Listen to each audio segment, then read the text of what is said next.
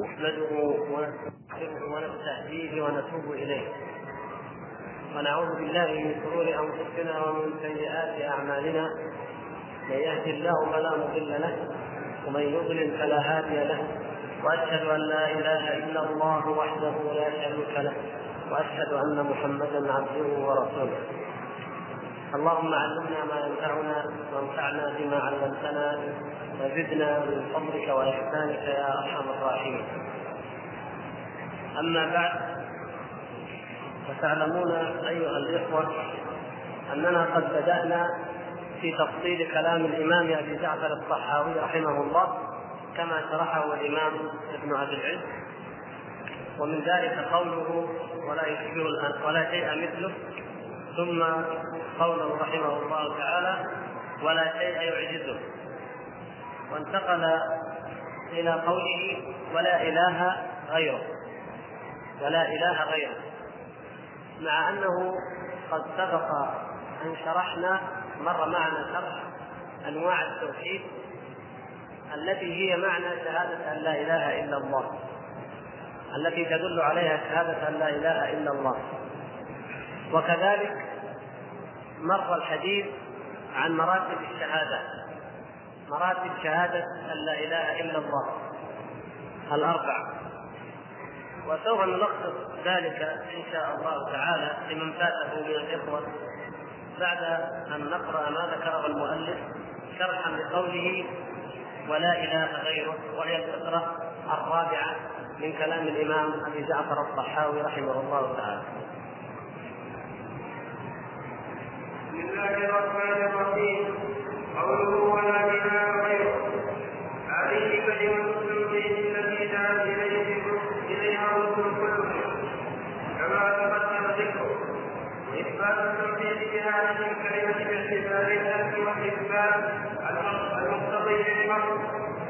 فان الاثبات مجرد قد اضطر اليه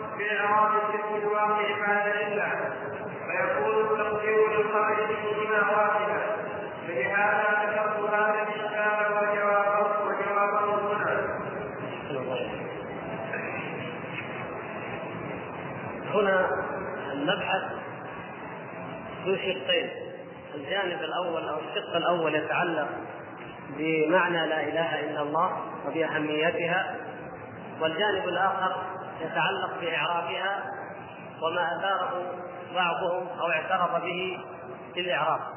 إعراب لا إله إلا الله. نحن كما ذكر المؤلف رحمه الله لا يهمنا الإعراب والخلاف في الإعراب أو الخلاف في التقدير. المهم هو معرفة حقيقة لا إله إلا الله.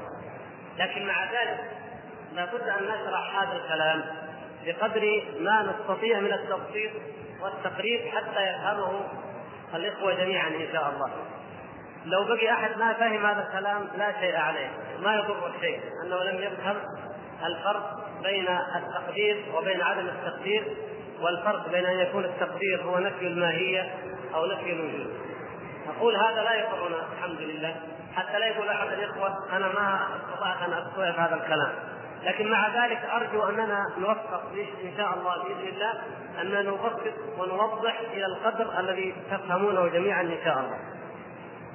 فأما قول المؤلف هذه كلمة التوحيد التي دعت إليها الرسل يعني كلمة الشهادة فهذا قد سبق أن تحدثنا عنه شرحا لكلام المؤلف رحمه الله وهو أن كلمة لا إله إلا الله الشهادة لله سبحانه وتعالى بالوحدانية أن يكون الله تعالى هو وحده المعبود دون ما سواه من المعبودات والآلهة. هذا هو ما جاءت به جميع الرسل ودعت إليه أقوامه. قوم لوط عليه السلام هم الأمة الوحيدة التي كانت دعوتها إلى ترك الفاحشة وإلى التقوى والإيمان بالله سبحانه وتعالى. ولكن مرد ذلك إلى أن هؤلاء القوم كانوا موحدين. قوم لوط كانوا موحدين ولكنهم كانوا يرتكبون الفاحش وإلا فعموم قوله تعالى ولقد بعثنا في كل أمة رسولا أن اعبدوا الله واجتنبوا الطاغوت يدخل فيه لوط وغيره. فإن التوحيد يدعى إليه الموحد أيضا. لكن قد يأتي نبي كما هو الحال في لوط عليه السلام أو يأتي أي داعية من الدعاة إلى ناس من أهل التوحيد يرتكبون منكرا ظاهرا فيكون هم دعوته يكون همه ومحور دعوته القضاء على هذا المنكر وإن كان أقل من الشرك. ومع ذلك لن يغفل ولا ينبغي لأي داعية أن يغفل جانب الألوهية. والدعوة إلى تصحيح توحيد الألوهية. وهو أنه لا معبود إلا الله سبحانه وتعالى. لا يجوز صرف أي نوع من أنواع العبادة من الدعاء أو الرجاء أو الخوف أو النذر أو الرغبة أو الرهبة أو المحبة أو الخشوع أو الذبح أو نحو ذلك من أنواع العبادات لا يجوز أن تصرف إلا لله وحده. وكذلك الطاعة والتسليم والانقياد في التحليل وفي التحريم واتباع الأمر أيضا لا يكون ذلك خالصا إلا لله سبحانه وتعالى وحده. فالمراد هو أن هذا هو ما دعا إليه الأنبياء وهو توحيد الله تبارك وتعالى وإثبات الوحدانية له سبحانه وتعالى. كل نبي جاء إلى قومه قال لهم اعبدوا الله ما لكم من إله غيره. جميع الأنبياء قالوا ذلك وإن كان كما سبق إن كان بعضهم أو بعض الدعاة قد يدعو ويجعل محور دعوته أمرا بعد ذلك إذا كان التوحيد متحققا ولكن بعض لوازمه غير متحققة كالمجتمع الذي تفشو فيه المنكرات وتنتشر مع وجود قدر القدر المطلوب من التوحيد موجودا. ومع ذلك فإن هذا من مقتضيات التوحيد ومن لوازم التوحيد وهو الانقياد لأمر الله سبحانه وتعالى. والكلمة بغض النظر عن الإعراب الناحية الإعرابية كلمة لا إله إلا الله. هذه مكونة من ركنين كما تعلمون. ما هما الركنان؟ النفي لا إله والإثبات إلا الله. ومن هذا الركنين يتكون معنى أعم وأبلغ وأدق من المعنى المثبت بدون نفي. لو قلنا الله الإله أو الإله الله فقط من دون النفي والإثبات لا ما كان لم يكن أدق ولا أبلغ من قولنا لا إله إلا الله. ولذلك يقول المؤلف مثلا لما قال الله سبحانه وتعالى وإلهكم إله واحد. هذه الآية جاءت إثبات ما فيها نفي وإثبات إثبات فقط. وإلهكم إله واحد. قال عقب ذلك لا إله إلا هو الرحمن الرحيم. فأعقب ذلك بالنفي لماذا؟ كما قال المؤلف بذلك حكمة أنه قد يتبادر خاطر شيطاني. لا يكون هناك استقصاء كليا. لو قال وإلهكم إله واحد طيب هذا إلهكم إله واحد. غيركم ما إلهه؟ فتأتي الآية فتنفي هذا الخاطر الشيطاني وتشمل وتعم نفي جميع المعبودات من دون الله. فيقول الله تبارك وتعالى بعد ذلك لا إله إلا هو. وإلهكم معاشر المخلوقين إله واحد أو المخاطبين إله واحد لا إله إلا هو الرحمن الرحيم فدل ذلك على نفي ألوهية غير الله سبحانه وتعالى وأنه لا إله سواه جل شانه فهذا الذي يدل على ماذا؟ على أن اللفظه إذا تركبت ما دامت متركبة من النفي ومن الإثبات فهي أبلغ وادل من لو كانت فقط إثبات. ولهذا جاءت لا إله إلا الله. ركنين النفي والإثبات. هذا النفي وهو استخدام لا وإلا يأتي ويسمى باللغة العربية الحصر أو الخص وهو في قوة ماذا؟ إنما. من أداة الحصر إنما. يعني نجيب المبتدا والخبر. ونضع قبله إنما. فكأنما يقول إنما الإله الله. هذا هذه اساليب الحصر إنما الإله الله. فإنما من أدوات الحصر ولذلك جاء في القرآن إنما الله إله واحد. وجاءت لا إله إلا الله. الاسلوب الثاني من اساليب الحصر وهو النفي بلا والإستثناء بعد ذلك بإلا. فهذان الركنان النفي والإثبات هما ركنا شهادة لا إله إلا الله. أما شروط لا إله إلا الله أما مراتب الشهادة فهذه قد سبقت. وأرجو أن لا نكون نسيناها إن شاء الله. فإذا قلنا الركنين النفي والإثبات فقد قلنا إن الشروط كم؟ سبعة. شروط لا إله إلا الله سبعة. لو تأملنا في شروط لا إله إلا الله نجد أنها أعمال القلوب الرئيسية أي أصول أعمال القلوب هي شروط لا إله إلا الله. العلم واليقين والصدق والإخلاص والمحبة والانقياد والقبول. هذه الشروط أعمال قلبية العلم اليقين الإخلاص كلها أعمال قلبية. وهذه هي أساس أعمال القلوب. لو أن إنسانا عنده شك ليس عنده يقين عنده شك في الله. هل يكون هذا مؤمنا أو مسلما؟ لا. ما عنده علم لأن الله هو الإله وحده سبحانه وتعالى. هذا لا يكون مسلما أيضا. يقول لا إله إلا الله لكنه غير صادق في قول لا إله إلا الله. إنما يقولها كما يقولها المنافقون نشهد إنك لرسول الله. أيضا لا تنفعه. يقولها وهو غير محب لها ولقائلها لا تقبل منه. يقولها وهو غير منقاد لها وللوازمها ولمقتضياتها غير قابل لها أيضا هذا لا ينفع. هذا قد سبق إن شاء الله ما نسيناه. ولذلك نقول ليس المطلوب مجرد لفظة لا إله إلا الله؟ فهناك من غلط وظن أن المراد هو مجرد اللفظ. وقال من قال لا إله إلا الله أو من نطق لا إله إلا الله فإنه يكون يكون مسلما وإن عمل ما عمل أو اعتقد ما اعتقد. وهذا من ابطل الباطل. وأعظم الأدلة على ذلك أن المنافقين على كثرتهم كما تعلمون في عهد النبي صلى الله عليه وسلم كانوا يقولون لا إله إلا الله ويغزون ويحجون ويتصدقون ويصومون ويصلون لكن لا ينفعهم ذلك. لماذا؟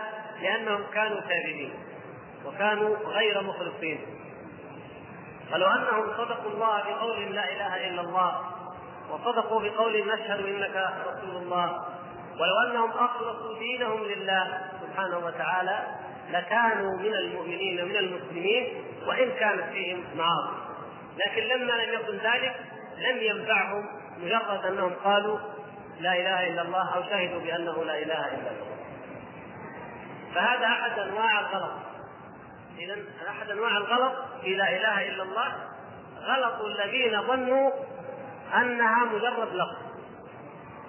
النوع الثاني من أنواع الغلط في شهادة لا إله إلا الله قول من ظن أن معناها لا رب إلا الله بمعنى الربوبية أي لا خالق إلا الله ولا رازق إلا الله ولا فاعل إلا الله.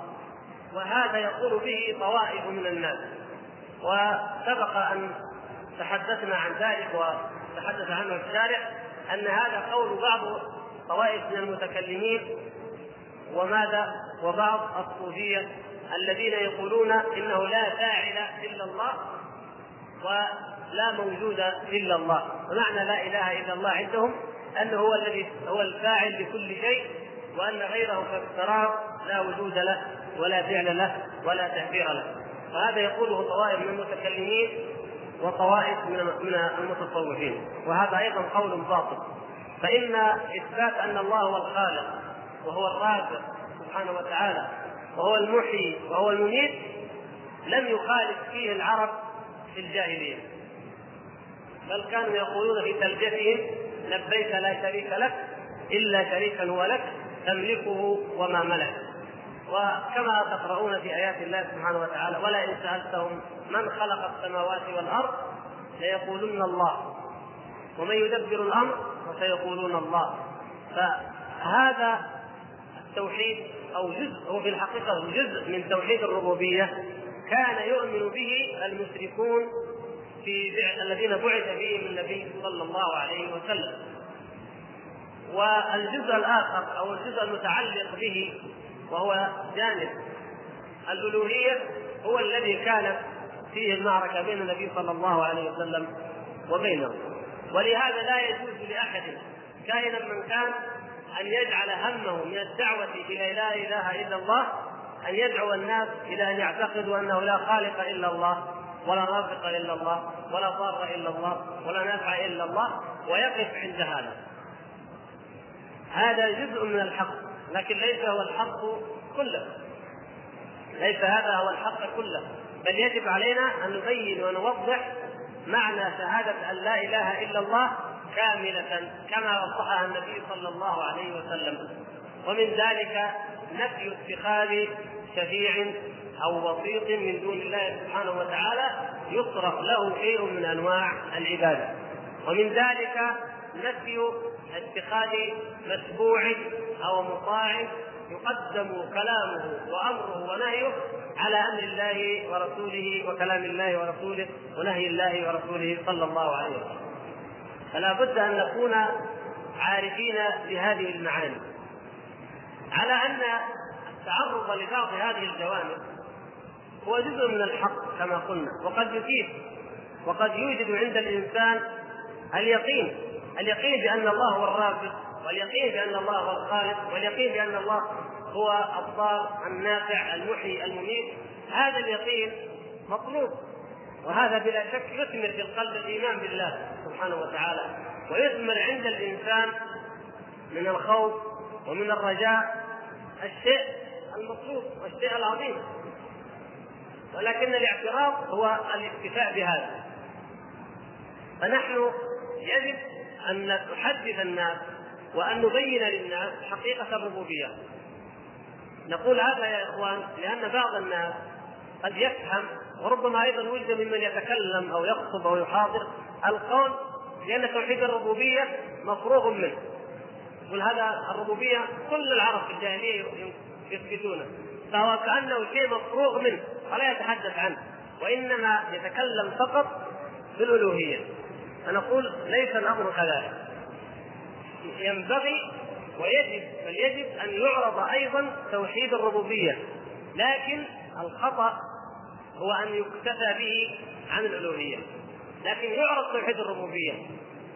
ويعلم الناس حقيقة أن الله هو الخالق الرازق وأن الله هو الضار النافع ويربط ذلك بواقع حياة الناس. تعلمون أيها الإخوة أن كثيرا من عوام المسلمين لو ناقشت بهذا الموضوع يقول نعم الله هو الخالق الله هو الرازق الله هو الضار الله هو النافع لكن ليس هناك أثر لهذا الكلام في حياته إذا أيقنا جميعا بأن الله هو الرازق ما معنى ذلك؟ ما أثر ذلك اليقين في قلوبنا؟ لا بد أن يظهر ذلك الأثر أثر عظيم جدا في حياة المسلم وهو أنه لا يأخذه الهلع لا ياخذه الجزع على الدنيا لا ياخذه الحرص واللهات وراء هذا المتاع الفاني. لا يتعلق بالأسباب ويظن أن الرزق يأتيه من هذه الأسباب أو يأتيه من كشفه أو من عمله أو من اجتهاده أو من مصادر الثروة التي يظنها مصادر للثروة أو من أي شيء. لا. يستيقن أنه لا رازق إلا الله سبحانه وتعالى فيصل إلى اطمئنان وإلى ايمان ويقين يدفع به هلع النفس وحرصها الشديد لأن الإنسان شديد على حب الخير كما ذكر الله سبحانه وتعالى. وكما هو معلوم أن الإنسان يحب المال حبا جما ويأكل التراث أكلا لما كما أخبر الله سبحانه وتعالى. وغير ذلك من الصفات التي هي صفات متأصلة في النفس الإنسانية في كل بشر. فإذا أيقن أن الرازق هو الله سبحانه وتعالى فإنه يزكي نفسه ويطهرها وينقيها من رواتب هذه الصفات السيئة التي هي من صفات غير الموقنين من صفات غير الموقنين بالله وغير الموقنين بأن الله هو الرازق وحده سبحانه وتعالى لا شريك له وأنه هو الذي بيده الرزق ولذلك فلا يجوز أن تصرف العبادة إلا له سبحانه وتعالى. فما دام هو الذي يرزق الخلق فهو الذي يجب أن يعبد وحده تبارك وتعالى. فنعلم الناس توحيد الربوبية وإن كانوا مقرين به في الاصل لكن نعلمهم حقائقه ونعلمهم مقتضياته الواقعية التي يجب أن تطبق على نفوسهم ومن ذلك الدعاء وكلكم بإذن الله تعالى دعاء. الداعي المسلم إذا دعا إلى الله سبحانه وتعالى يجب أن يعلم هذا التوحيد توحيد الربوبية. هذه هذا الإيمان فقط الإيمان بأن الله هو الرازق لو آمن به الدعاء جميعا حق الإيمان لما رأينا الإحجام والتردد في الدعوة. إذا علمت أن الله هو الرازق فإنك تدعو إلى الله وتنكر المنكر وتقول الحق ولا تخاف على رزقك ولا على طعامك ولا على رزق أولادك من بعدك. لأنك تعلم أن الله هو الذي يرزقك وأن الله هو الذي يرزقهم وأن سبيل الدعوة محفوظ بالأذى ومحفوظ بالمخاطر ومنها قطع هذا السبب الذي هو سبب ظاهر جعله الله سبحانه وتعالى مصدرا لرزقه فكثير من الناس يقول لولا عملي أو لولا رزقي أو لولا وظيفتي أو لولا خشية ان ينقطع راتبي لقلت الحق أو لامرت بالمعروف. أو لدعوت إلى الله فيا سبحان الله هل مثل هذا الإنسان يقول يؤمن حقيقة بتوحيد الربوبية وأنه لا رازق إلا الله؟ طيب لو جاء إنسان ومنع من عبادة الله من توحيد الله من الصلاة إلا إما أن يمتنع عن ذلك والا يمنع منه الطعام ويقطع عنه رزقه هل يستجيب المؤمن؟ لا يستجيب ابدا ولكن لابد من الصبر ولا بد من المجاهدة. وهكذا نجد أن هذا الجانب من التوحيد هو أيضا مهم وينبغي الحث عليه وينبغي الإيمان به. وكذلك الضار النافع. هذه جزء من توحيد الربوبية ولا يجوز إهمالها. كثير من الناس يقول الله هو الضار والله النافع. ومع ذلك تراهم يلتمسون أسباب الشفاء وأسباب النفع من الوسائل المحرمة. ومن غير الطريق المشروع. وهذا دليل على أنهم لم يستيقنوا فعلا أن الضار النافع هو الله سبحانه وتعالى. الموقن بأن الضار النافع هو الله سبحانه وتعالى، هل يذهب إلى الكهان وإلى السحار وإلى المتعوذين ويأخذ منهم أنواع من العلاجات أو من الأدوية ويعلم أن فيها شركيات؟ الذي يوقن بأن الله هو الضار النافع. هل يتعلق قلبه بغير الله أن يضره أو أن يعطيه أي شيء وإلا يكون قلبه كما قال النبي صلى الله عليه وسلم واعلم أن الأمة لو اجتمعوا على أن ينفعوك لم ينفعوك إلا بشيء قد كتبه الله لك. ولو اجتمعوا على أن يضروك لن يضروك إلا بشيء قد كتبه الله عليك.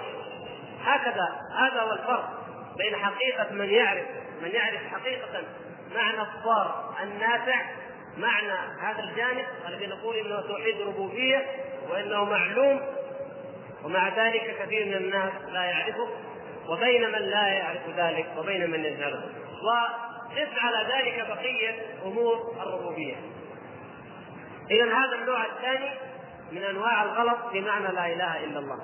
يعني النوع الأول من يظن أنها نطق مجرد نطق لا إله إلا الله باللسان ولا يراعي الشروط ولا يراعي الأركان ولا يراعي مراتب الشهادة. النوع الثاني من يفسرها بتفسير الربوبية بتوحيد الربوبية فقط ولا يراعي توحيد الألوهية ولا يذكره. وقلنا أن هذا الجانب من التوحيد لا يغفل بل يوضح ويبين لكن الجانب الأهم الذي يجب بيانه هو ما يتعلق بتوحيد الألوهية. ولذلك معنى كلمة الإله. لا إله إلا الله. فالالوهيه مشتقة من من هذا من الإله. ولهذا كان هذا النوع من التوحيد هو أهم الأنواع جميعا. وهو يتضمن أنواع التوحيد الأخرى. طيب ما يتعلق بالإعراب؟ يقول الشارع وقد اعترض صاحب المنتخب على النحويين في تقدير الخبر. اولا صاحب المنتخب لم أستطع أن أعرف من هو صاحب المنتخب. الذين ألفوا كتب المنتخب كتاب يعني كتاب المنتخب بعضها في الادب وبعضها في اللغة وقد يجوز أنه الحسن ابن صالح المتوفى 568 الملقب بملك النحاة نقول ذلك ولا نجزم به ما لم نطلع على الكتاب. الذي هو كتاب المنتخب هذا ونعرف ونجد هذا اللفظ فيه أو هذا الكلام فيه. هذا رجل من النحويين ألف كتابا اسمه المنتخب. يبدو أن هذا الكتاب مفقود أو مقصود قال صاحبه فيه إن النحويين أخطأوا في إعراب لا إله إلا الله. كيف كان خطا النحويين يقول النحويون يقولون لا إله موجود إلا الله يقدرون خبر لا لأنه موجود. بينما المفروض أو الصحيح هو أن لا يكون هناك تقدير ولا نقدر الوجود. لأننا إذا قلنا لا إله موجود فالمنفي هو إيه؟ هو وجود الإله. هو وجود الإله. ولكن يقول هو المفروض أن ينفى ماهية الإله. ذاته وليس وجوده. فنقول لا إله أي لا ماهية إله بدل ما نقول وجود إله. موجود نلغيها ونجعل النفي منصب على كلمة إله. وإلا الله تكون بدلا. هذا الكلام في حقيقته فيه نوع من الصواب من حيث عدم التقدير. وإن كان المؤلف رحمه الله الشارع شارح الصحاوية مال إلى غيره وقال إن هذا كلام المعتزلة القضية في الحقيقة تحتاج إلى شيء من الدقة وكما قلت أرجو أن نوفق في تبسيطها وإن لم تفهم فلا خير في ذلك. هذه لا النافية للجنس تسمى لا النافية للجنس وتدخل على المبتدأ والخبر. يعني هي مثل إن وأخواتها أو مثل كان وأخواتها تدخل على المبتدأ والخبر. لكن فيها ميزة خاصة لا. وهي أنها للنفي المطلق ولذلك قيل النفي للجنس يعني لا يمكن أن تقول لا رجل في الدار بل رجلان أبدا. لا رجل في الدار يعني أنت تنفي نفيا مطلقا أن يكون في الدار رجل. إذا كانت لمجرد النفي إيش نقول؟ نقول لا رجل لا رجل في الدار بل رجلان. نفينا رجل وأثبتنا رجلان. لا طالب في المدرسة بل طالبان. هذا مجرد نفي. لكن نفي الجنس يقول لا طالب في المدرسة. يعني ليس فيها أحد مطلقا. هذا نفي الجنس. معنى انها تنفي جنس الطالب أو جنس الرجل أو أي شيء. هذه لا قد لا تحتاج إلى خبر أصلا. قد تستغني عن الخبر بالكلية. ومن ذلك قول الله تبارك وتعالى فلا رفث ولا فسوق ولا جدال في الحج. ما يحتاج خبر ما يحتاج نخبر قد تستغني لا عن ذكر الخبر نهائيا. ويضمر الخبر أو يحدث الخبر في خلاف في لغات العرب هل يحدث وجوبا أو يحدث جوازا؟ بين لغة الحجازيين ولغة الصعيد أو الشماليين الشاهد نقول أنه قد تستغني لا عن الخبر نهائيا أو يحدث خبرها مطلقا. وإن ذكر خبرها فهي تدخل على المبتدأ وعلى الخبر. طيب أنا أسألكم سؤال.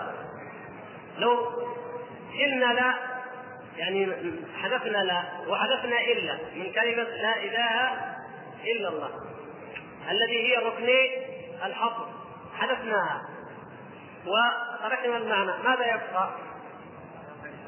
أيوه الإله الله هذا مبتدا وخبر الإله ندخل ال لأنه لا يجوز الابتداء بالنكرة فندخل ال نقول الإله الله المعنى كامل ولا لا؟ كامل. الإله الله. طيب علشان من أجل زيادة في التأكيد. ينفى الجنس.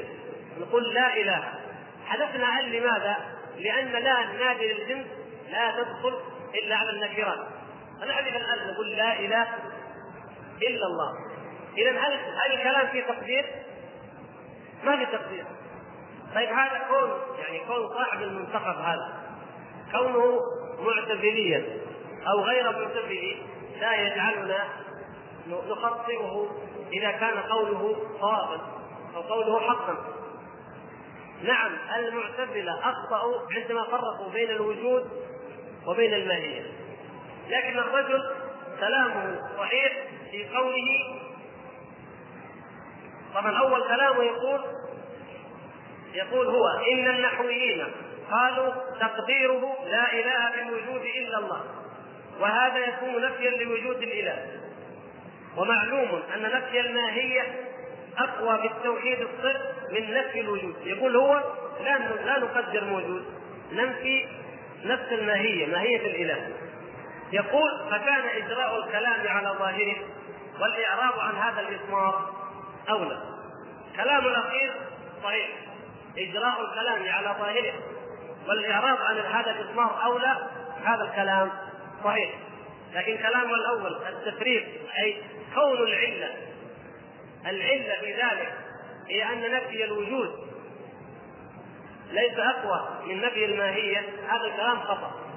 نحن نقول زي ما بينا لا نذكر لا ماهية ولا وجود ولا شيء من ذلك الفلسفات نلغيها نهائيا.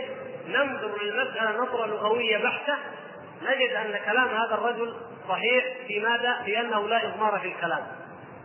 المسألة مبتدأ وخبر. أدخلنا عليها الحصر الذي يفيد التأكيد وهو أبلغ من مجرد الإثبات مثل ما قلنا. فأدخلنا لا وأدخلنا معها إلا. صار الكلام لا إله إلا الله. مثل مثل قولي مثل ما نقول لا حول ولا قوة إلا بالله. نفس الشيء نعرفها لا حول ولا قوة إلا بالله. بالله هنا بالله جار ومجرور متعلق بالخبر متعلق بالخبر الذي هو بعد إلا وليس شرط أن يكون قبله فنقول المسألة بالنظر اللغوية المجردة نجد أن هناك مبتدأ وخبر ودخل النفي أو دخل الحصر عليهما فأدخلنا لا وإلا فقلنا لا إله إلا الله. فليس في الكلام تقدير من هذه في هذا الباب على هذا الوجه اللغوي البحث. أبو عبد الله محمد بن أبي الفضل المرسي هذا رجل أراد أن ينتصر لمذهب أهل السنة ضد المعتزلة. ولا نعلم حقيقة ما إذا كان هذا الرجل سنيا بمعنى انه من أهل السنة والجماعة الصرف أم أنه أيضا متأثر باحدى المذاهب المنتسبه إلى السنة. لكن هذا الرجل يقول عن كلام صاحب المنتخب يقول هذا كلام من لا يعرف لسان العرب. خطأ لأن إله في موضع المبتدأ على قول سيبويه وعند غيره اسم لا كلاهما ما في فرق يعني قلنا هي مبتدأ. سواء قلنا هي مبتدأ أو اسم لا لا تدخل على المبتدأ. الفرق بسيط. يقول وعلى التقديرين فلا بد من خبر المبتدأ. وإلا كما قاله من الاستغناء عن الإضمار فاسد يقول المرسي الاستغناء عن الإضمار خطأ. لا نستغني عن الإضمار. طيب نحن قلنا أن هذا الكلام هو الخطأ. الإضمار لا حاجة إليه. نبدأ في الكلام الصواب من كلام المرسي الذي يبين لنا الخطأ من كلام صاحب المنتخب. قال وأما قوله إذا لم يضمر يكون نفيا للماهية فليس بشيء لأن نفي الماهية هو نفي للوجود. لا تتصور الماهية إلا مع الوجود. فلا فرق بين لا ماهية ولا وجود وهذا مذهب أهل السنة خلافا للمعتزلة. فإنهم يثبتون ماهية عارية عن الوجود. الماهيه هي ذات الشيء أو حقيقة الشيء. يعني لماذا قالوا ماهيه مشتقة من أنه يسأل عنها دماء. يسأل عنها دماء. مرت معنا الكلمة هذه. أرجو أن لا ننسى ما يمر يا إخوان. هذه الموضوعات دقيقة. لا نحرص ولا ننسى. مرت معنا في ماذا؟ بلاش يختبركم. وأنا أقول الجواب. لما ذكرنا ذكر الشارع أن موسى عليه السلام خاطبه فرعون. قال وما رب العالمين. قال المتكلمون إن فرعون سأل موسى عن الماهية. يعني فرعون من المتكلمين من الباحثين في الصفات من المناطق. سأل عن الماهية سأل عنها بما قال وما رب العالمين. أي ما كنهه وما ذاته ما حقيقته. هكذا يقول المتكلمون. وإن موسى حاد عن الجواب. فقال ربكم ورب آبائكم الأولين ما أجاب. المفروض أنه يجيب لأن ما المسؤول عن الماهية ما إذا قيل بها عن الماهية يجاب عنها بالأجوبة المنطقية. إذا قيل ما زيد ما زيد فتقول أو ما الإنسان فتقول حيوان ناطق. هذا كلامه. إذا أنت جبت بالحد يسمونه الحد أي التعريف المنطقي. فكأن موسى يقولون موسى عليه السلام حاد عن الجواب وعدل عن الجواب. فرعون يسأل عن الماهية وموسى يجيب بجواب آخر. قلنا إن هذا الكلام خطأ من المتكلمين لأن فرعون لا يعرف المنطق ولا يعرف الفلسفة ولا يتدخل في الكلام هذا كله. فرعون يقول وما رب العالمين على سبيل الاستخفاف وعلى سبيل العناد. يقول إيش هذا رب العالمين؟ ما يعني على لا لا يؤمن به ينكره. ولهذا قال يا هارون ابن لي صرحا لعلي أطلع إلى إله موسى. وإني لاظنه كاذبا. ففرعون لا لا, لا يريد أن يؤمن بإله. وليست القضية عند فرعون قضية ماهيه هذا الإله أو السؤال عنه بما وأن فرعون يدري أن المناطق يقولون إن السؤال عن الماهية هو بماء في علم المنطق. وإذا سئل بماء فالجواب يكون مركب من الجنس ومن الفصل. إلى آخر هذا الكلام ما ما خطر لفرعون على بال ولا حاج موسى عليه السلام عن الجواب. أقول هذا الشاهد أنه مر معنا أن الماهية مشتقة من كلمة ماء من السؤال بماء فيقول هو إذا قلنا لا إله موجود نفينا وجود الإله. إذا قلنا لا إله بدون تقدير نفينا ماهيه الإله. اذا عدم التقدير أفضل. فنقول كالكلام هذا التفريق بين الوجود وبين الماهية خطأ لأنه اي أي شيء نقول إنه موجود ومعنى ذلك أن له ماهية بطبيعة الحال. اذا الكلام هذا خطأ. أما أن عدم التقدير صحيح فهذا الكلام أيضا صحيح وعدم التقدير هو الأولى. هذا هو الذي يعني نستطيع أن نبسطه بتبسيط شديد جدا وهو أن لا إله إلا الله اعرابها أن لا نافية للجنس وإله اسم لا أو المبتدأ وإلا أداة استثناء والله هو الخبر. وهذا هذا هذه الأداة النفي والاستثناء أسلوب من أساليب الحصر المراد به تأكيد الابلغ وآكد في ماذا؟ في إثبات العلاقة بين الموضوع والمحمول اي بين المبتدأ والخبر وأن الإله وحده هو الله سبحانه وتعالى لا إله غيره تبارك وتعالى. هذا مختصر ما في الأمر.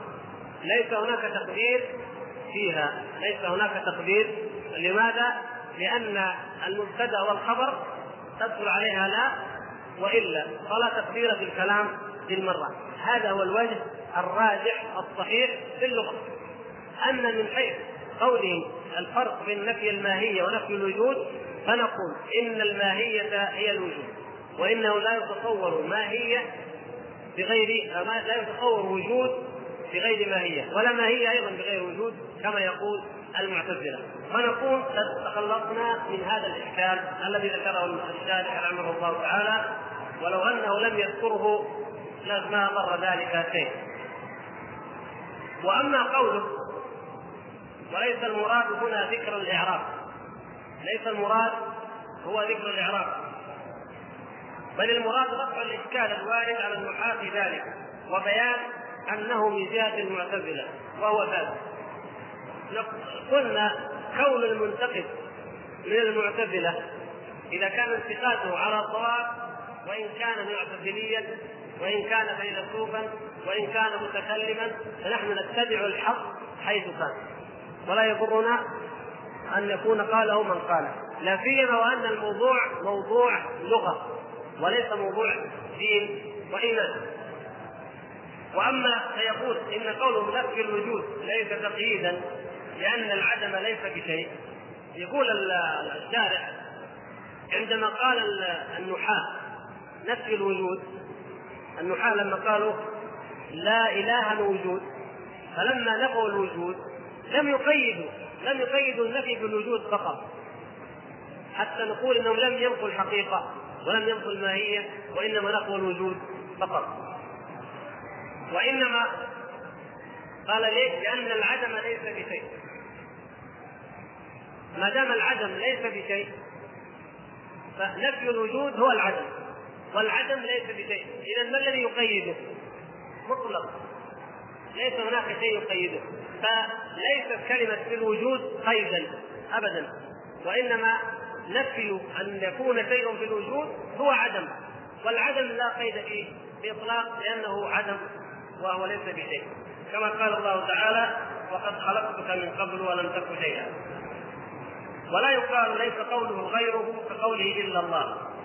أيوه. إذا قلنا نشيل كلمة إلا ونقول بدل ما نقول لا إله إلا الله نقول لا إله غيره. طيب لا إله غيره. يقول المؤلف لا نقول إن غير مثل هذه مثل إلا الله. في الحقيقة أن كلامه هنا خطأ بل الواقع أنها مثلها أن المعنى هو واحد. لماذا؟ لأن كلمة غير الله غير الله قوه لا إله إلا الله. لا إله غير الله أو لا إله إلا الله. لكن كلمة غير نفيها في ذاتها هي. كلمة غير نفيها في ذاتها. هي تنفي الشيء الآخر. وأما لا إله إلا الله فنفيها من ماذا؟ من لا. من لا نفسها وليس من غير. فلما اجتمع الحصر وهو لا إله إلا الله لا وإلا لما اجتمعتا صار المعنى لا إله إلا الله. لما شلنا إلا انتقل الحصر في؟ في عموم كلمة خير وهي في ذاتها تمشي وهي في ذاتها عامة لأنها من ألفاظ العموم المطلقة الكلية. فأصبح لا إله غيره. سواء قلنا لا إله إلا الله أو قلنا لا إله غير الله المعنى واحد. هذا هو ملخص ذلك وأرجو أن يكون اتضح إن شاء الله. ننتقل إلى الفقرة الثانية.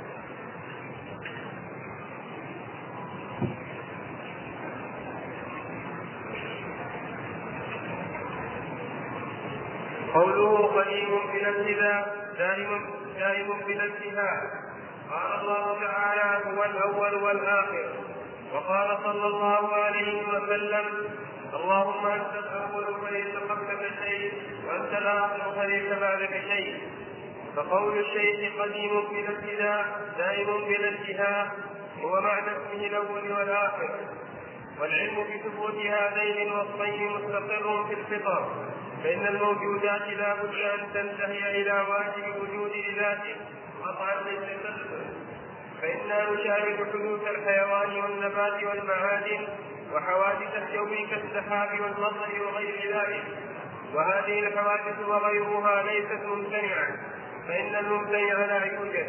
ولا واجب الوجود بنفسها إن واجب الوجود بنفسه لا يقبل العدم. وهذه كانت معدومة ثم وجدت.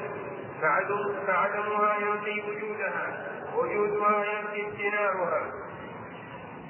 وما كان إحسانه قديم سلطانه قديم نعمه قديمة هذا يعني يجوز إن شاء الله وليس في ذلك يعني من بأس. لكن لا الأولى عدم الدعاء به لكن يطلق كوصف فيقال الله قديم الإحسان هذا ما في شيء. الأخ هذا يقول ما معنى تعدد القدماء؟ هذا اللي مر معنا في مبحث الصفات وسيأتينا. تعدد القدماء يقول المتكلمون أن القديم واحد. طبعا لما سموا الله القديم إذا القديم عندهم واحد. قالوا أن الاسم غير المسمى وأن الصفات غير الموصوف. فإذا قلنا إن الله أثبتنا أنه الله هو الله الذي لا إله إلا هو الملك القدوس السلام المؤمن المهيمن العزيز الجبار المتكبر فعدت القدماء. على قوله قال القدماء كثير. ويقولون إن الله تعالى كفر النصارى لما جعلوا القدماء ثلاثة. فكيف اللي يجعلها 99 يثبت الأسماء. هذه الشبهة الشبهة التي عرضت للمتكلمين وللمعتزلة ولذلك الذي قرأ منكم من كتب المأمون المأمون لما كتب الكتب من قرطوس إلى واليه في بغداد. أن انتهل جميع العلماء. كل من قال إن القرآن مخلوق فأطلق ومن قال إنه غير مخلوق فعذبه واحدث فإن أبوا فأبعثهم إلي هكذا كتب المأمون. يقول من جملة ما يقول في كلام هذا فإنه لأنهم قالوا بتعدد القدماء أو الذين ضاهوا النصارى بالقول بتعدد القدماء. يعني إذا قلنا القرآن صفة من صفات الله كلام الله صفة من صفات الله وليس بمخلوق إذا صار متعدد القدماء متعددة. هكذا هذا أصل شبهة أو من أصول شبهة نفاة الصفات عن الله سبحانه وتعالى. هذا معنى تعدد القدماء أن يكون عدة آه، قدماء موجودين في الأزل لا أول لوجودهم. ولكن الرد على هذه الشبهة واضح وهو أن صفات الشيء من متعلقاته ومن توابعه ولا تفصل عنه. فهذه صفات لله سبحانه وتعالى. وتجريد الشيء من جميع الصفات نفي لوجوده. إذا قلنا شيء ما له صفة اذا هو غير موجود. فكونه موجود لابد أن يوصف. هذا ما كما مر معنا. وأدنى وأقل ما يوصف به ما دام موجود هي صفة؟ الوجود. اذا نقول هو هو ذات الذات هذا واحد. وكونها موجودة هذا اثنين. إذا تعدد القدماء. على كلامكم. اذا إذا قلت الله موجود أثبتت قديمين الله وموجود اللي قالوا لا نحن ما نثبت إلا واحد. قلنا اذا نحن أيضا ما نثبت إلا واحد. فعندما قال الله عز وجل هو الله الذي لا إله إلا هو الملك القدوس السلام المؤمن. هذه كلها أسماء لشيء واحد. فاذا فالقديم على كلامكم أو الأول على كلامنا على كما جاء في الشرع هو واحد سبحانه وتعالى. هذا الأخ جزاه الخير يعني يقول لماذا يتنازل بعض العلماء لأهل الكلام؟ بأن يناقشوهم بمعتقداتهم وأفكارهم مع أن الكتاب والسنة فيه ما يكفي ويغني عن ذلك. وللخوف من الوقوع أو الانزلاق في هذه المعتقدات. الأخ جزاه الله خير أظنه من أجل لما يقول الشيخ أنه لا مانع من المقدمات الخفية إذا كانت تقنع بعض الناس. وأن المقدمات الكلامية أو الفلسفية المبنية على قواعد منطقية قد تقنع بعض الناس فلا مانع منها. كلام الاخ صحيح أن لا لا نتنازل معهم فنغير منهجنا. لا لا نفس العقيدة والتصور ولا ولا منهج أخذها ولا منهج الدعوة إليها.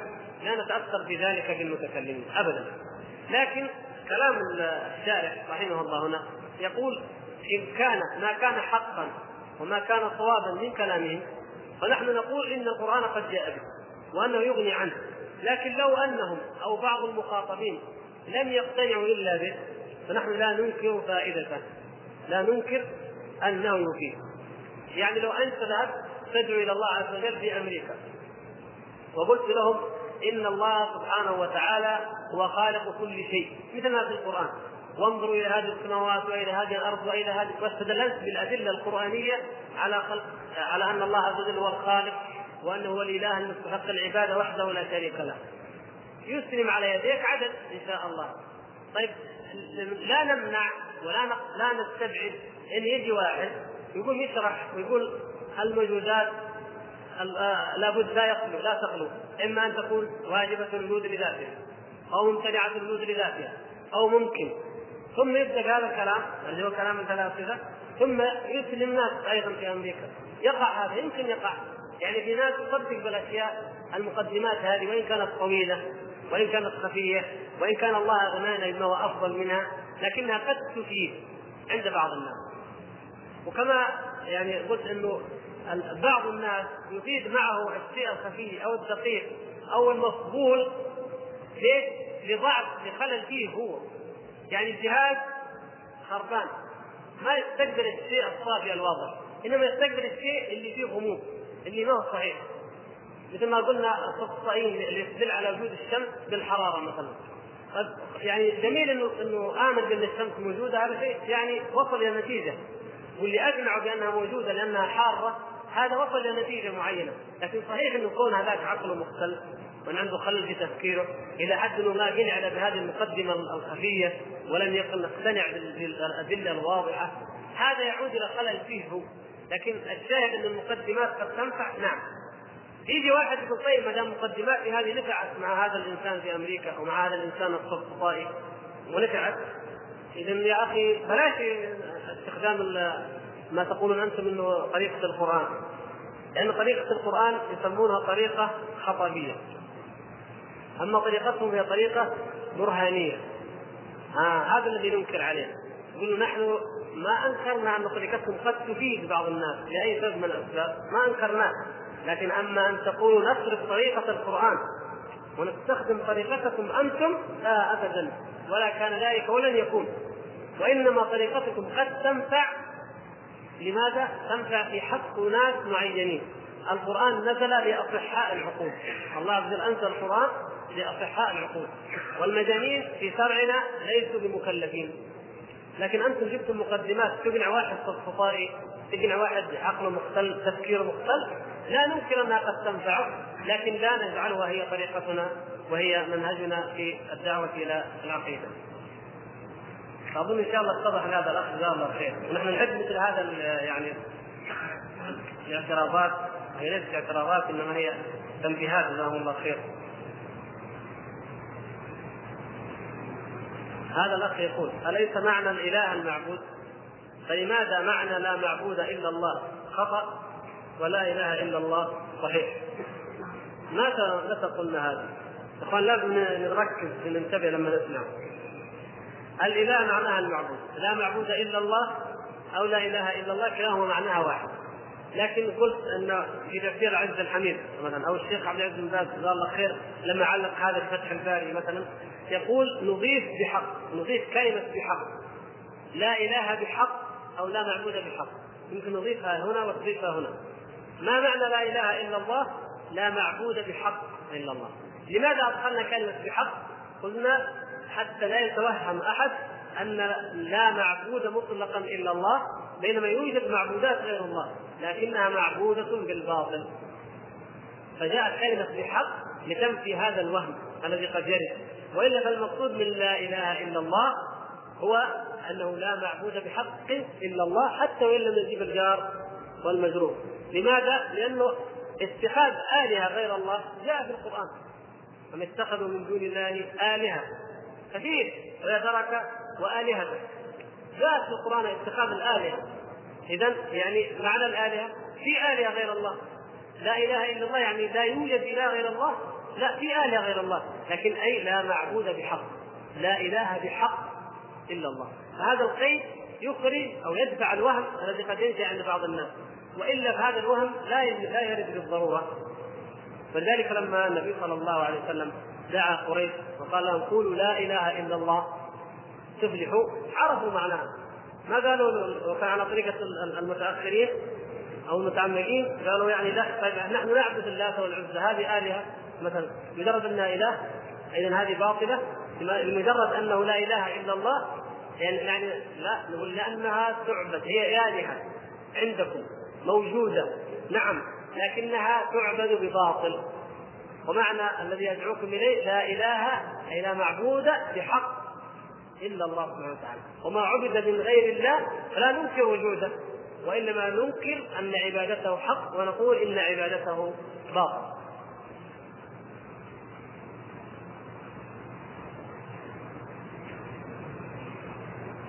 الكلام خبر وإنشاء. فأن تكون لا إله إلا الله من الأول رغم أن أن الله أثبت وجود آلهة عندما قال فلم تغن عنهم آلهتهم من الله شيئا. أو هي من الباب الثاني فتكون فتكون بمعنى أن تجعل الإله المعبود بحق هو الله. وفي هذه الحالة يكون تقدير الخبر في قوله لا إله في الوجود إلا الله غير لائق. والله أعلم. يمكن الاخ جاء متأخر لأنه نفي تقدير الخبر إنه لا إله في الوجود إلا الله غير لائق. هذا هو الذي نعم قلنا أنه لا لا حاجة للإضمار لا في الوجود ولا الماهيه أما قول الكلام خبر وإنشاء فهل تكون لا إله إلا الله من الأول؟ يعني تكون خبر أو إنشاء. هذا المعنى دقيق جدا. الخبر مجرد خبر لا إله إلا الله خبر. نعم خبر. لكن هل فرق بين مجرد الخبر وبين الخبر المستلزم للإنشاء هذا نسميه إيش من النوع الخبر المستلزم للإنشاء مثلا لما جاء الحبران اليهوديان إلى النبي صلى الله عليه وسلم هم في اجتمعا الأحبار اجتمعوا وقال قال أحدهما لصاحبه دعنا نذهب إلى هذا النبي. قال الآخر لا تقل إنه نبي فإنه إن سمعك قلت ذلك كانت له أربعة أعين يعني يأخذه الكبر. هم وحدهم وحدهم يقول لا تقول إنه نبي هم عارفين إنه نبي. قال لا تقول له إنه نبي. فقال نذهب إليه ونسأله نمتحنه. فلما ذهبا إلى النبي صلى الله عليه وسلم وسألاه عن التسع الآيات التي آتاها الله سبحانه وتعالى موسى وهارون عليهما السلام. فأخبرهم النبي صلى الله عليه وسلم بالعشر الوصايا لماذا عدل؟ عن الجواب؟ شيء آخر المهم أخبرهم النبي صلى الله عليه وسلم بالوصايا العشر المذكورة في آخر سورة الأنعام. أن لا تشركوا به شيئا وبالوالدين إحسانا إلى آخر الوصايا العشر. وهذه الوصايا التي اتفقت عليها جميع الملل. قال نشهد إنك نبي. نشهد إنك نبي. طيب كلمة إنك نبي أو نشهد إنك نبي هذا خبر ولا إنشاء؟ خبر طبعا خبر. أخبروا أن نشهد أنك نبي ماذا قال النبي صلى الله عليه وسلم بعد ذلك؟ قال فما يمنعكما أن تتبعاني أو أن تؤمن بي؟ فقال إن في رواية إن الله قد أخذ العهد على بني إسرائيل ألا يزال من ذرية داوود نبي. يعني لو كنت من ذرية داوود آمنا. ونحن مصدقين أنك نبي. في رواية أخرى قال إنا نخاف أن يقتلنا يهود. الشاهد من هذا لما أخبر اليهودي الخبر أخبر عما في نفسيهما. يعتقد هذان الحبران يعتقدان في داخل نفسيهما إن النبي صلى الله عليه وسلم نبي. قالوا نشهد أن محمد رسول الله في أنفسهما. شهدوا كذا. خبر. لما أخبر النبي صلى الله عليه وسلم بذلك نشهد أنك نبي. يكفي هذا؟ لا. قال ما ما يمنعكما أن تتبعان. اذا شهادة لا إله إلا الله. وشهاده ان محمد رسول الله خبر مستلزم للإنشاء. الإنشاء بمعنى إيش؟ بمعنى أشهد أنك نبي إيش؟ فيتبع يعني يستلزم فاتبعني. يعني يكون يكون في قوة كما لو قال النبي صلى الله عليه وسلم لهم قد شهدتما فاتبعوني. قد شهدتما أن لا إله إلا الله فاعبدوا الله وحده لا شريك له. فهذا يسمى الخبر المتضمن أو المستلزم للإنشاء. وليس مجرد إخبار. ليس مجرد إخبار فقط عما في نفس الإنسان. إذا قال واحد أشهد أن لا إله إلا الله هل تعني ذلك مجرد الإخبار؟ يعني أنا أخبر إني في نفسي أشهد أن لا إله إلا الله؟ لا. إنما معناها أنا أقر وألتزم بأنني أشهد أن لا إله إلا الله بأنني لا أعبد إلا الله سبحانه وتعالى. هذا الإقرار والالتزام انشاء وليس خبرا.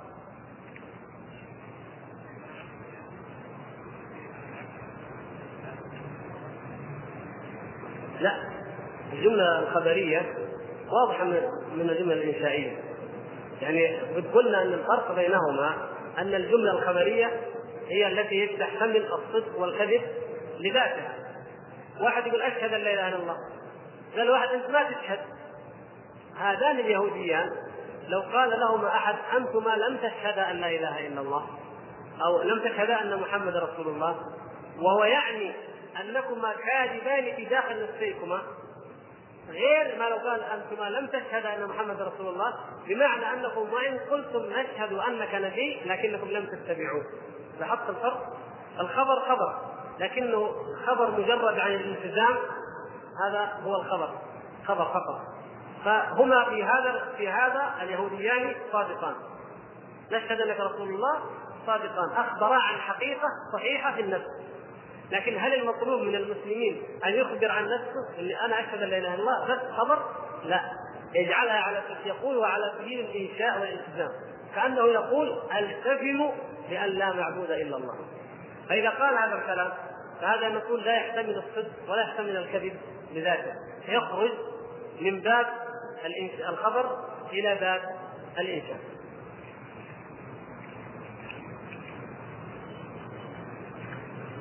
ما صحة هذا الدعاء. يا قديم الإحسان ويا دائم المعروف الأخ الأول سأل ولا هو سؤال واحد؟ يعني قصده لو أحد دعا بهذا الدعاء وإلا قصده هل هو ما صحته؟ يعني هل هو وارد؟ يعني ما أدري لكن الظاهر أنه هل هو صحيح أن واحد يدعي؟ يمكن بعض العوام هذا دعائهم بعض العوام يدعي دائما يا قديم الإحسان مثلا. زي ما قلنا هذا ينبغي أن يعلم الدعاء الصحيح. وإلا لا بأس. هو هو حقيقة من حيث الوقت من حيث الإخبار أن الله تعالى قديم الاحسان مثل ما جاء في الحديث سلطان في القديم هو قديم السلطان. كيف نربط بين كلمة لا إله إلا الله وبين كلمة التوحيد وأقسامه كلمة لا إله إلا الله هي كلمة التوحيد وهي تتضمن أنواع التوحيد الثلاث أما توحيد الألوهية فلأنه لا إله إلا الله معناها مثل ما قلنا لا معبود بحق إلا الله فهذا معناها هو توحيد الألوهية. وأما تضمنها لتوحيد الربوبية فلأن هذا المعبود بلا شك أن من أثبته معبودا إلها له مألوها فإنه هو الذي خلقه وهو الذي رزقه وهو الذي أحياه ويميته. هذا متضمن له.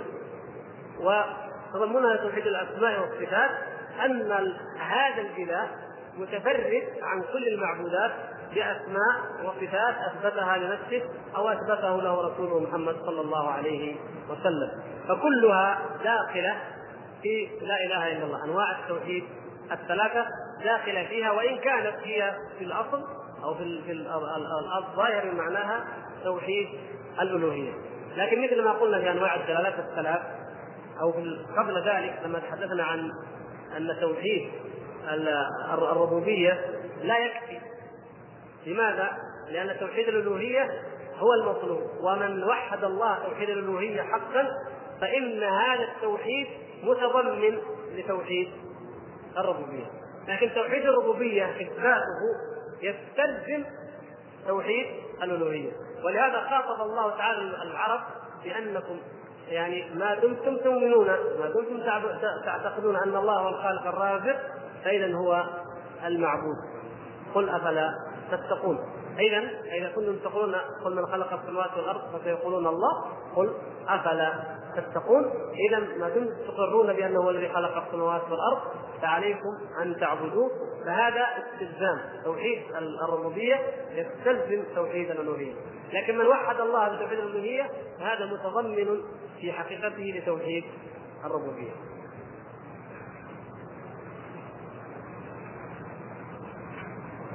هذا الاخ يسال عن الحديث اللي مر معنا في الدرس الماضي وهو قول في الحديث في الذكر الوارد في خصوص الهم والحزن يعني دعاء الحزن الذي قال أو استأثرت به في علم الغيب عندك. اللهم إني أسألك بكل اسم ولك سميت به نفسك أو أنزلته في كتابك أو علمت به أحدا من خلقك أو استأثرت به في علم الغيب عندك. وورد قبله سميت به نفسك. أوليس ما استأثر الله به داخل ضمن ما سمى به نفسه؟ فما هي الحكمة من هذا التكرار؟ الضمني أرجو التوضيح مع الشكر. والظاهر والله أعلم. اللهم إني أسألك بكل اسم سميت به نفسك. هذا هذا معنى اسم يعني كلمة سميت به نفسك صفة لاسم لأن الجمل بعد النكرات صفات وبعد المعارف أحوال. فهو يقول اللهم إني أسألك بكل اسم صفته إيش؟ سميت به نفسك. وبعدين يفصل ما بعد هذه الجملة هو عبارة عن استيعاب وشمول لكل ما يمكن أن يرد من الأسماء. شوف. كل اسم سميت به نفسك أو أنزلته في كتابك أو علمت به أحدا من خلقك دلالته هذه جميعا هي؟ هي العموم والشمول ولهذا لا يمنع أن تتكرر. كل اسم سمى الله سبحانه وتعالى به نفسه كل اسم أنزله في كتابه يعني قد يكون أنزله في كتابه قد يكون أخبر به أحدا من خلقه قد يكون مع ذلك كل لابد أنه سمى به نفسه. فهذا للاستيعاب سواء أخبر به أحد أو أنزله في كتاب أو استأثر به عنده ما دام اسم له فهو سمى به نفسه. لو تأملنا هذه الألفاظ وجدنا أن فيها عموم وشمول بحيث أنه لا يبقى بعد هذا الدعاء أي اسم. ولهذا يكون هذا الدعاء يدفع الهم ويدفع الحزن باذن الله سبحانه وتعالى أو يستجاب من دعا به لأنه بإذن الله تعالى يتضمن الاسم الأعظم. لأن هذا الاسم الاعظم لا يخلو إما أن يكون استأثر الله به أو أطلع عليه أحد من خلقه أو آه سميت به نفسك أو أنزله في أحد كتبه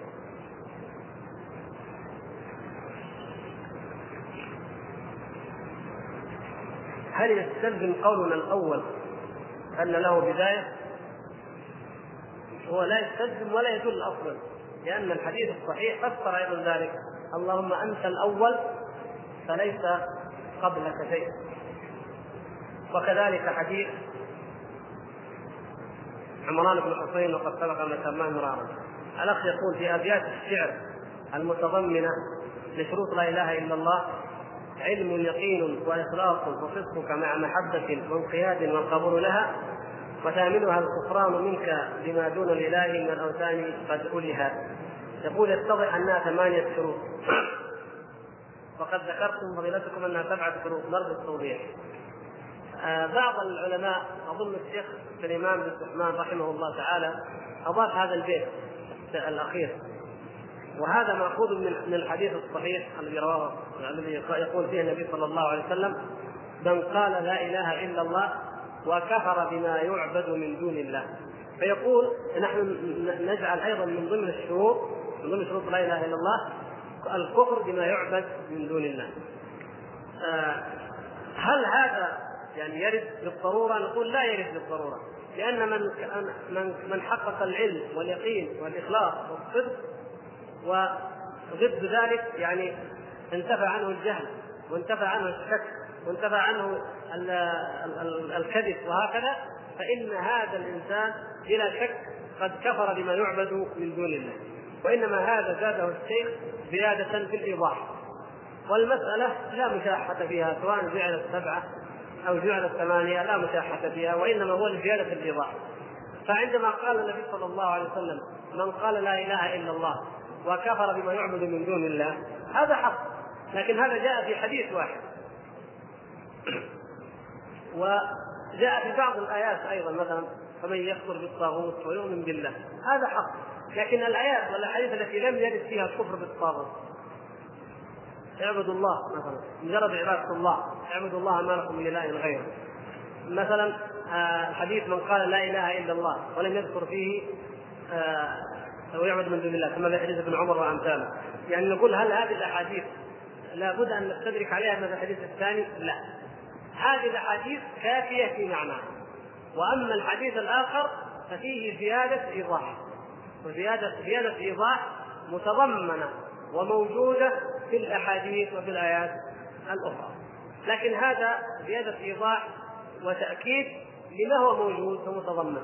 فليس هناك تعارض ليس هناك شرط جديد ليس هناك قيد جديد اضافه الحديث الآخر أو يضيفه هذا الشرط الثامن لأن هذا الكلام متضمن ومعلوم من الشروط السبعة.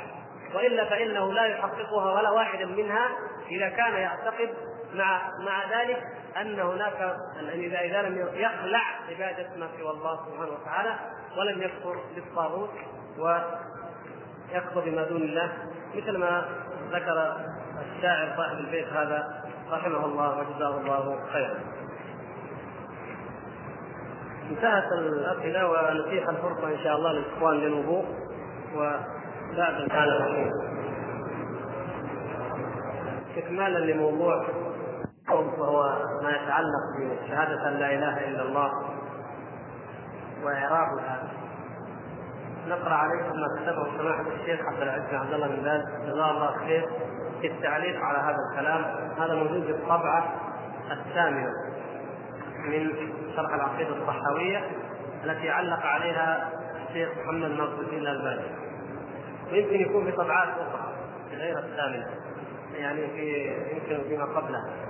لكن أنا الذي عندي الطبعة التي عندي ليست فيها وجزاه الله خير الأخ قدمه لنا. يقول الشيخ حفظه الله ونفعنا بعلمه ما قاله صاحب المنتخب ليس بجيد. ما قاله صاحب المنتخب اللي مر كلامنا ليس بجيد. وهكذا ما قاله النحاة وأيده الشيخ أبو عبد الله المرسي من تقرير الخبر بكلمة الوجود ليس بصحيح. الاثنين خطأ الشيخ الاثنين. لأن الآلهة المعبودة من دون الله كثيرة وموجودة. وتقدير الخبر بلفظ في الوجود يعني لا إله في الوجود لا يحصل به المقصود من بيان حقية ألوهية الله سبحانه وبطلان ما سواه. لأن لقائل أن يقول كيف تقولون لا إله في الوجود إلا الله؟ وقد أخبر الله سبحانه عن وجود آلهة كثيرة للمشركين.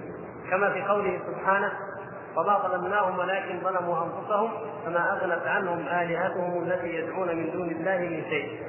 وقوله سبحانه فلولا نصرهم الذين اتخذوا من دونه قربانا آلهة الآية فلا سبيل إلى التخلص من هذا الاعتراف وبيان عظمة هذه الكلمة وأنها كلمة التوحيد المبطلة وأنها كلمة التوحيد المبطلة لآلهة المشركين وعبادتهم من دون الله إلا بتقرير الخبر بغير ما ذكره المحال. وهو كلمة حق لأنها هي التي توضح بطلان جميع الآلهة وتبين أن الإله الحق والمعبود بالحق هو الله وحده. كما نبه على ذلك جمع من أهل العلم منهم أبو العباس بن تيمية وتلميذ وتلميذه العلامة ابن القيم وآخرون رحمهم الله. ومن أدلة ذلك قوله سبحانه ذلك بأن الله هو الحق وأن ما يدعون من دونه هو الباطل. فأوضح سبحانه في هذه الآية أنه هو الحق وأن ما دعاه الناس من دونه هو الباطل فشمل ذلك جميع الآلهة المعبودة من دون الله من البشر والملائكة والجن وسائر المخلوقات واتضح بذلك أنه المعبود في الحق وحده.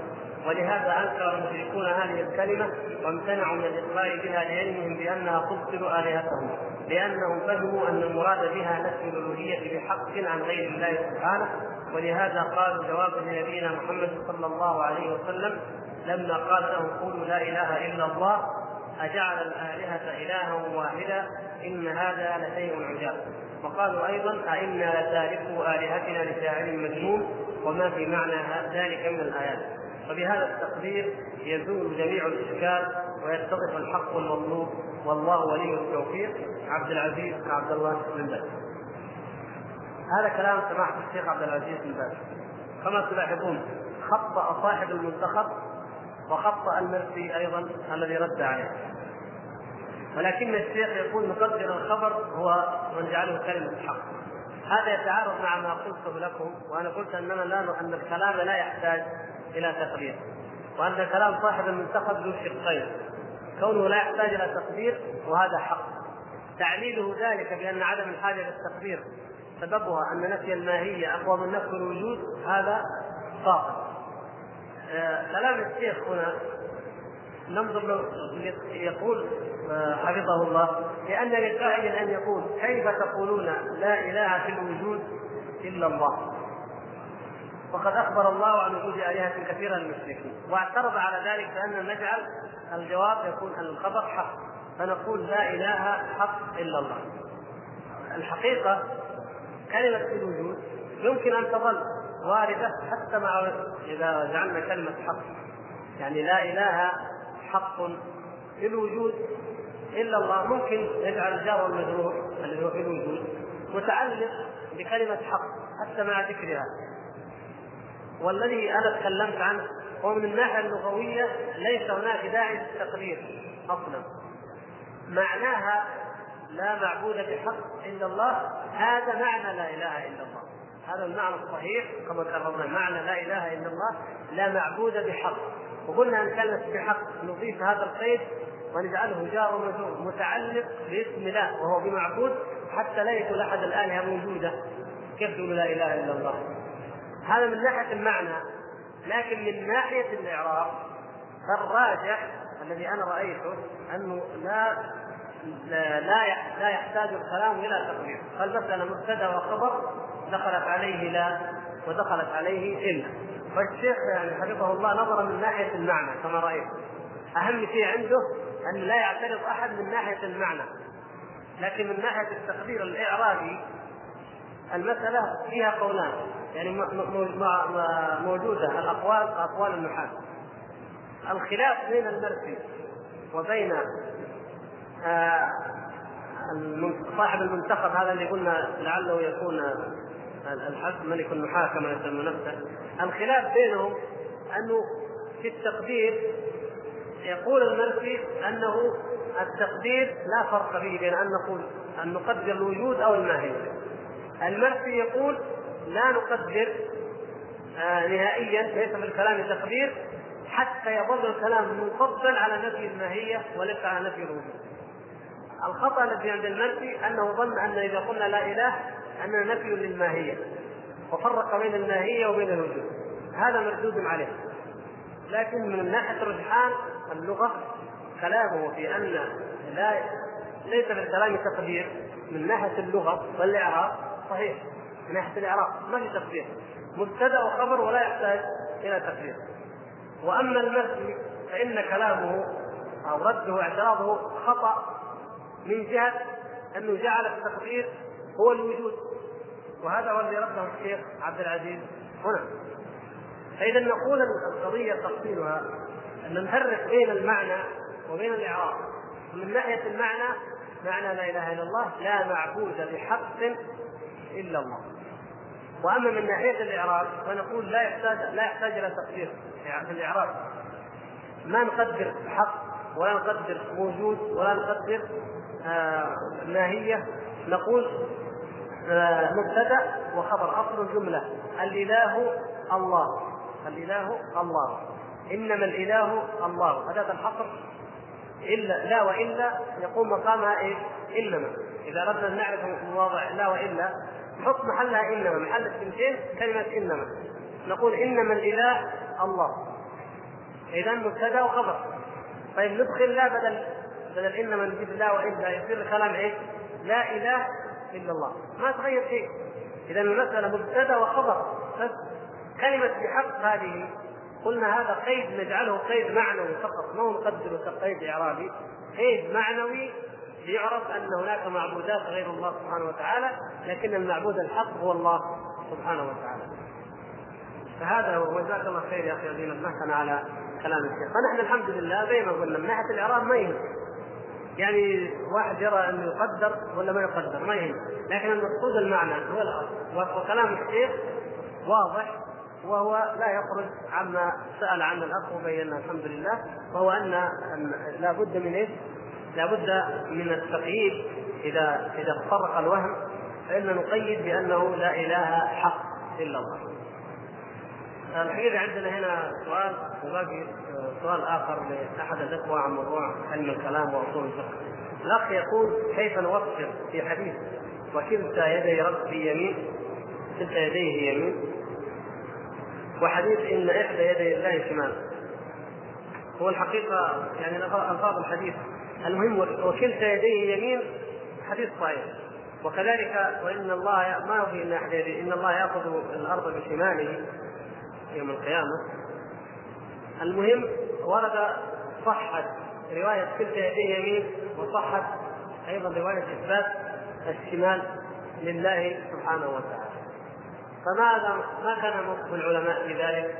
بعضهم قال ما دامت صحت رواية الشمال فنحن نثبت لله سبحانه وتعالى شمال ويمين ونجعل معنى قوله وكلتا يديه يمين أي كلتاهما ميمونة من اليمن ومن البركة بعض العلماء قال لا ان المقصود أن كلتا يديه يمين أي أنه ليس في يدي الله عز وجل شمال ورجحها على رواية شمال وقال إن من ذكر يأخذها بشماله هذا من تصرف الراوي.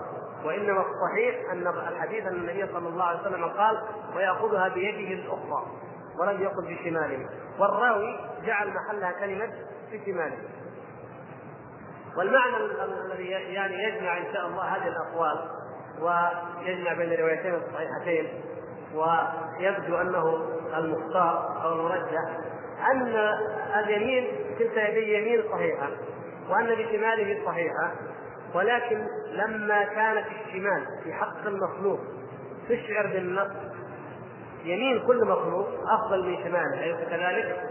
فكلمة الشمال في حق المخلوق تشعر بالنقص فجاء هذا الاستدراك وهو وكلتا يديه يمين لنعلم أن يدي الله عز وجل ليس فيهما فضلى وأفضل أو مفضولة وإنما كلتاهما فضليان سواء فكلتاهما سواء وإن سمينا واحدة يمين واحدة شمال فليس كالمخلوق وليس كمثله شيء وهو السميع البصير. يداه متفاضلتان واحدة أفضل من الأخرى.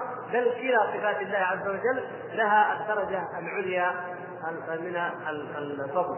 فليس هناك أحداهما أفضل من الأخرى. وإن هذه اسمها يمين وهذه اسمها شمال لكن كلتاهما يمين يعني كلتاهما مستويتان في الفضل وفي الخير واليمن والبركة. ليست كلمة شمال تنقيض لليد الأخرى.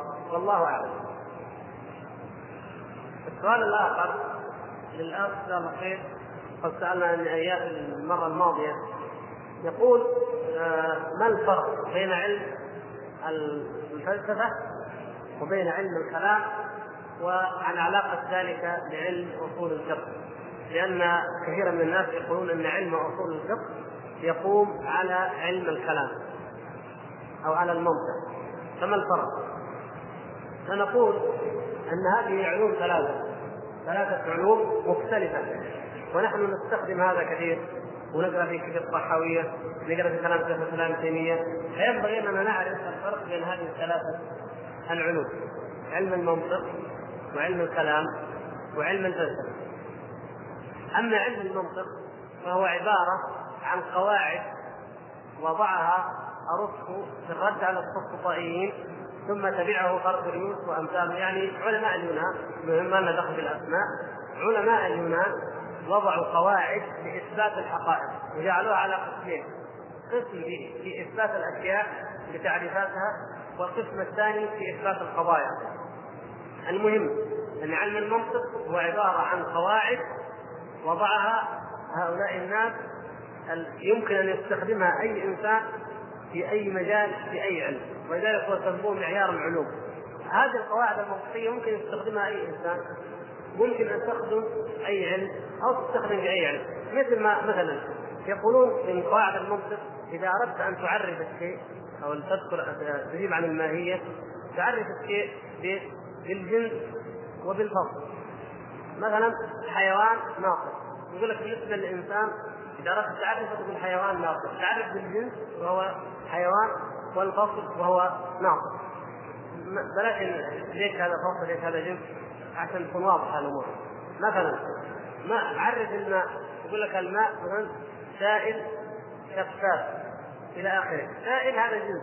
عام يشمل جميع السوائل شفاف يخصص الماء. اذا هذا جنس وهذا خصص ممكن نستخدم نحن هذا التعريف. يمكن أنا أجي أعرف الخشبة أعرف الجدار أعرف أي شيء. أستخدم مثل هذه القواعد. وما كان منها صواب وقريب من الصواب لا غبار عليه. ما في شيء. الذي نأخذه على المناطق.